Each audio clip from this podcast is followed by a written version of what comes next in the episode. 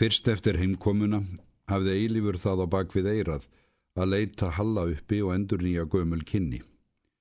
Hann hefur ekkert af honum frétti lengi því brefaskiptu hafði fljótlega lagst niður. Halla leta betur að handleika múrskeið en penna og sjálfur hafði hann ekkert að skrifa vini sínum sem búast mátti við að honum þætti forvitnilegt. Það versta við þetta niðurlægjandi umkomuleysi er að rekast á kunnug andlit, andlit sem eru komin á græna grein í lífinu og geta leift sér þann munað líta niður á þá sem enn eiga þar langt í land þóttir bregði fyrir sér vinsemdar grímu fyrir síða sækir. Það er oftast fljótlegt að býta þessi andlit af sér með því að koma personun á bakvið þau í opna skjöldu með eitruðum ílkvittnisörfum sem hitta beint í mark. Ha ha, það er mátulegt á þessa sálarlausu meðtorða streðara. Þegar öllur á botnin kolt eru þeir ekki neitt nema í eigin ímyndun. Nei, hann kæri sig ekki um að hitta Halla.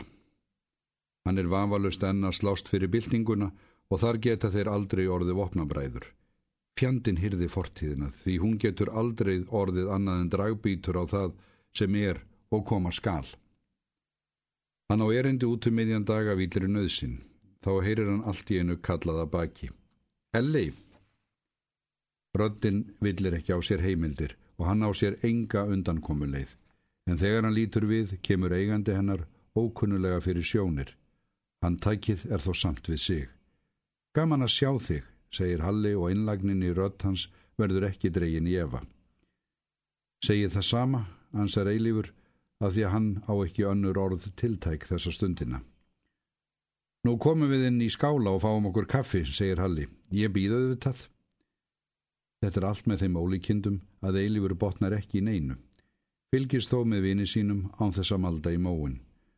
Hann virðir Halla betur fyrir sér þegar þeir eru sestir við borðið. Hann er klætur vönduðum fötum sem fara honum vel. Rauðahárið er snirtilega klift, freknurnar í andlitinu hafa látið litin. Á baugfingri hægri handar ljómar gildur einbögur. Ég sé það á þér að þú ert steinhissa á því hvernig ég lít út, segir Hall og hlæri við. En það er ekki gamli óbeislaði drengjalháturinn. Það er komið á hann haft sem vinur hans kann ekki almennilega við. Ert orðin ríkur af því að byggja hús? Nei, maður verður ekki ríkur á því eins og ástandið er. Það gerir við kreppan. Ég er larður múrari, allt er lagi með það, en það var svo lítið byggt að það var ekki einu sinni um stöðug að vinna ræða. Það eru bara þeir sem hafa rétt sambund sem tekst að spjara sig. Fannstu gullnámi eða hefur þau rænt banka? Gullnámu, endur tekur Halli og dregur við svo orðið. Já, ég veit ekki hvort hægt er að kalla það því nafni. Það er bara svoleiðis að ég er giftur. Til hamingju. Þakka þér fyrir. Það vilist að við gefið þér eitthvað í aðra hönd. Þegar ég hugsa út í þetta botna ég stundum ekkert í þessu sjálfur, viður kennir Halli. Sjáðu til, ég kynnti stúlku og það var þetta úr því. Stelpurnar hlup ekki úr vegi fyrir þér í gamla daga ef ég mann rétt. Það var aldrei neitt alvarlegt, ansar Halli, og það er örlar fyrir gamalli hrikni í röddinni, ekki fyrir en áslög kom í spilið. Þetta er ekkert einstæmi að karlmaður verði sér út um konu, en ávinningurinn reynir stundum minni en reiknað var með. Pappi hennar er heilsæli, eða hann var það þanga til hann dó í fyrra, og hún er einbyrni. Já, það er vonað þú sér tissa. Þú ert á hættur að byggja hús. Já, ég lagði það á hilluna en það er bara í byli á meðan ég er að koma fyrir mig fótunum. Halli ber hraðan á eins og hann óttist að vera slegin út af læginu. Það var sko í hitti fyrra sem ég trúlegaðast áslögu og þá gæti ég fengið ágætis atvinni og pappa hennar við heldsöluna. Sjálf vann hún á skrifstofunni hjá honum og hún er ansi færi þessu öllu saman. Víst var það hundleiðilegt fyrsta sprettin því ég var eins og alfur út úr hól en það lagaði smám saman. Svo dó kallin í fyrra og þá var annarkvort að láta fyrirtæki sigla sinn sjó eða drífa það áfram og það varð ofan á því hún gæti ekki hugsa sér að láta það flakka. Hún er alin upp við þetta skilurðu, kann þetta allt saman og auðvitað hafði hún rétt fyrir sér. Við áttum heldur ekkert annað víst framundan svo það var ekkert viti að kasta öllu frá sér. Þetta er heldur ekki sem vest þegar maður er farin að venjast því. Og nú á ég að heita forstjórin, djöfull hvað allt getur farið öðruvís en maður ætlaði sér einu sinni. Ég komst aldrei til að skrifa þér um þetta því ég hafði í svo mörg að snúast. En ég ætla mér ekki að verða ellidauður í þessu, verdu viss. Ég er bara búin að reka mig svo rækila á að maður kemst ekkert áfram með tvær hendur tómar. Helvítis kreppan er ekkert lamp að leika sér við. Já, svona líkur í þessu. Alltaf kann ég samt best við mig í vinnugalanum og kafi í steipunni. Maður er svoliði skerður inn við beinið. Þú ert á hættur að lappa og gefa auðvaldin og kæftin til dýrðarbyltingunni. Þetta er ílkvittnislega sagt. En á meðan hallilætur dælun að ganga hleðst gremjan upp í eilífi. Og kannski var það eitthvað enþá verra en gremja sem lagði honum þessi orði í munn. Róðin sprettur fram í kinnarhalla og rennur í eitt við raukt hárið. Það bregður fyrir leiftri í augum hans sem gæti þýtt vel út til átti kæftsög þvert yfir borðið, en það lætur á sér standa. Gnistin í augum hans sloknar í apskjót og hann kviknaði, en kæruleysishulan sem kemur í staðin er ofgeggsæ til að fjela sársaukan í hugskotinu. Sjáðu til, Elli, segir hann svo með nokkuri árenslu. Ég held þú skiljir mig ekki. Það er satt að ég er orðin burgeis eins og við köllum það einu sinni, já svo sannarlega hef ég fengið að heyra það. En hvað hefur maður upp úr því að liggja alltaf í skýtnum og taka þegjandi við því sem að mann er rétt? Er maður að þjóna byltingunum með því að láta aðra ganga á sér? Og það er heldur ekki nóg að lappa og rífa kæft. Þú mannst eftir pappa. Það stóð aldrei upp á hann í þeim efnum. En hvað hafði hann upp úr því? Auðvaldið murkaði úr honum lífið. Það var fljótlega eftir að þú fóst sem hann dó.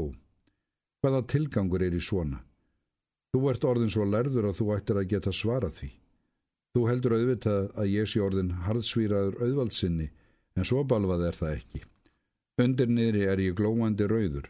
Það er sko allt í lægi með mig svoleiðis, allt í stakasta lægi. Þér er óhætt að trúa því. Auðvitað er allt í lægi með því Halli, segir vinur hans og kingir eigin ílkvittni. Þetta kom bara svo flatt upp á mig. Með sjálfum sér veit hann þó að hér er ekki allt með feldu.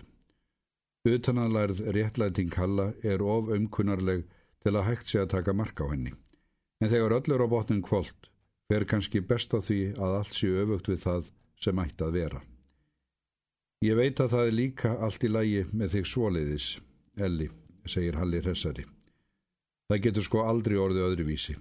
Það er allt í lægi með okkur báða, allt í stakasta lægi. Svo situr Eilífur öðru sinni anspænis Albert og hann er ekki að tala í síman að þessu sinni.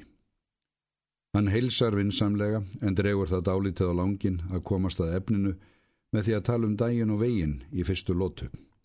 Situr í við álútur fram á skrifborðsbrúnina og handleikur papírsnýfin.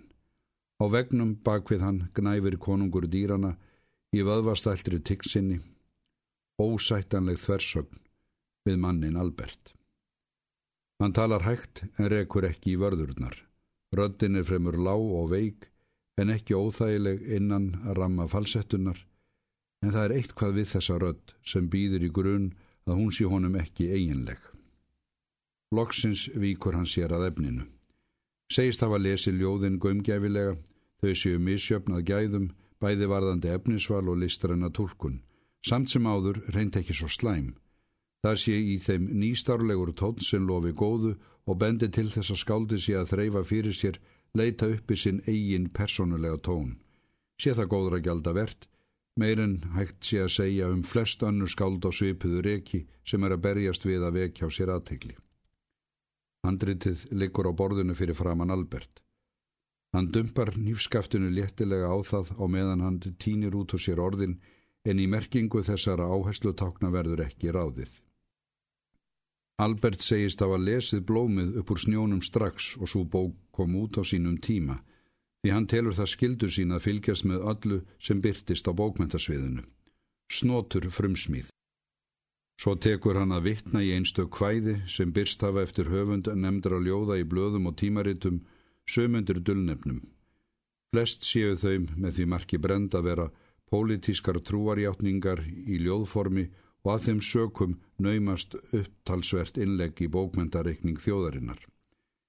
En gott og vel, þegar öll er á botnin kvöld getur tjáning í þá veru hjálpað ungu og áttaviltu skáldi til að finna sjálft sig og rata út úr ógöngunum eftir að var ekki svo óþyrmilega á og hlaupið af sér hornin.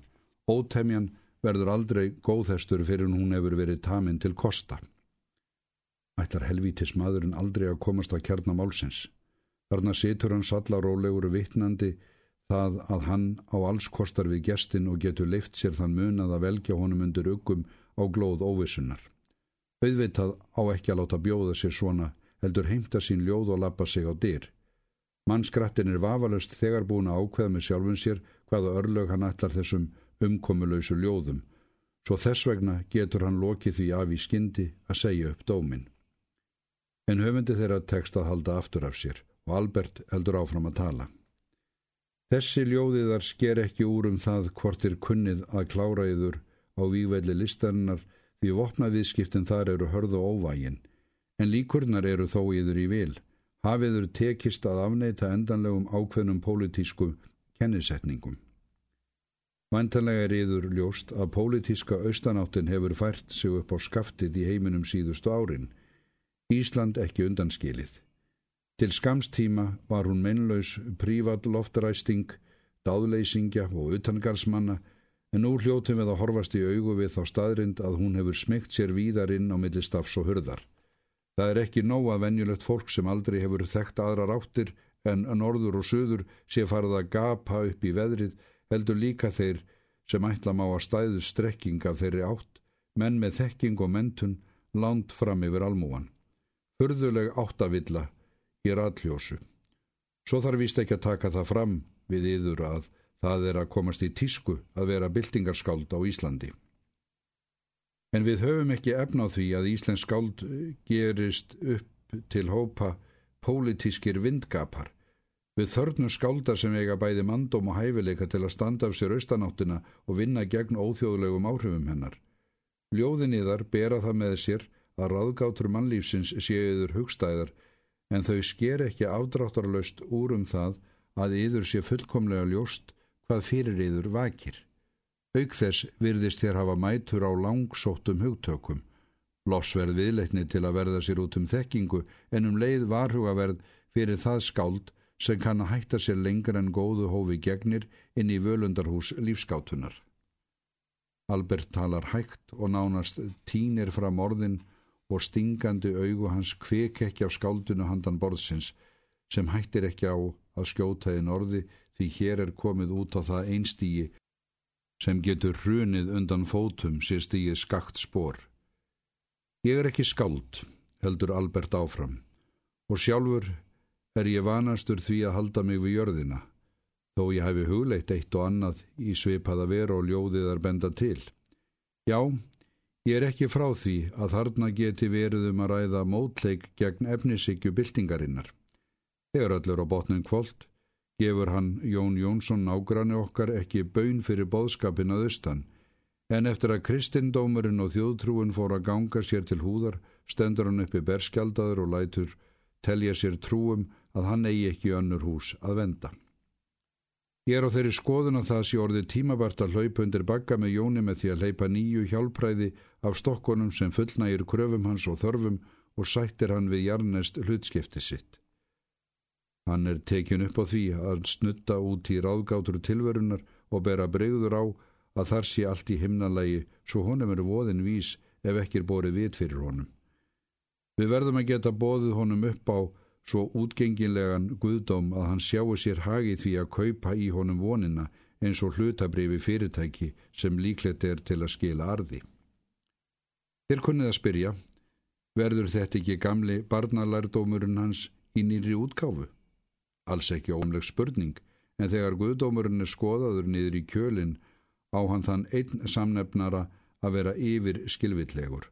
Allt annað getur við mótað og tólkaða eigin gethóta og það verður hverju sinni að vera í stíl við sinn tíma til að missa ekki af strætisvagninum.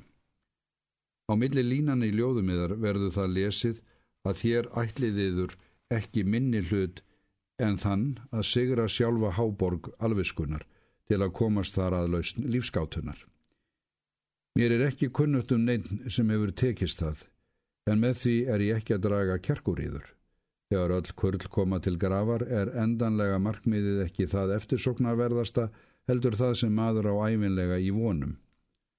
Fyrir mann eins og Jón Jónsson er ráðning lífskátunar heldur ekkert keppikepli því stæði hann allt í einu með hann í höndunum, væri honum ekkert skilið eftir til að eiga í vonum og heimur hans myndi rinja í rúst. Þetta þýðir samt ekki að gefa hugmyndina um nýjan guðdóm upp á bátinn. Við verðum aðeins að gera okkur grein fyrir jarneskum forsendum hans og framkvæmda atriðum.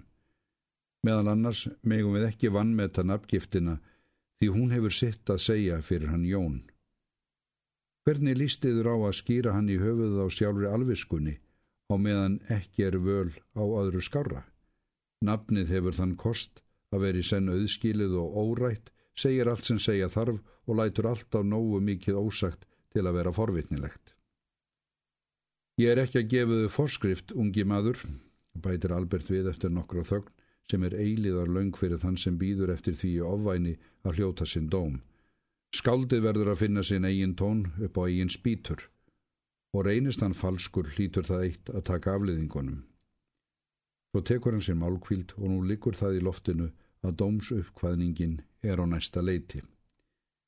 Ég hef ákveðið að taka kvæðinni þar til útgáfu, segir hann um síðir, og greinin um fransku bókmyndirnar skal ég byrta þó landar okkar séu yfirleitt illa læsir á þau fræði.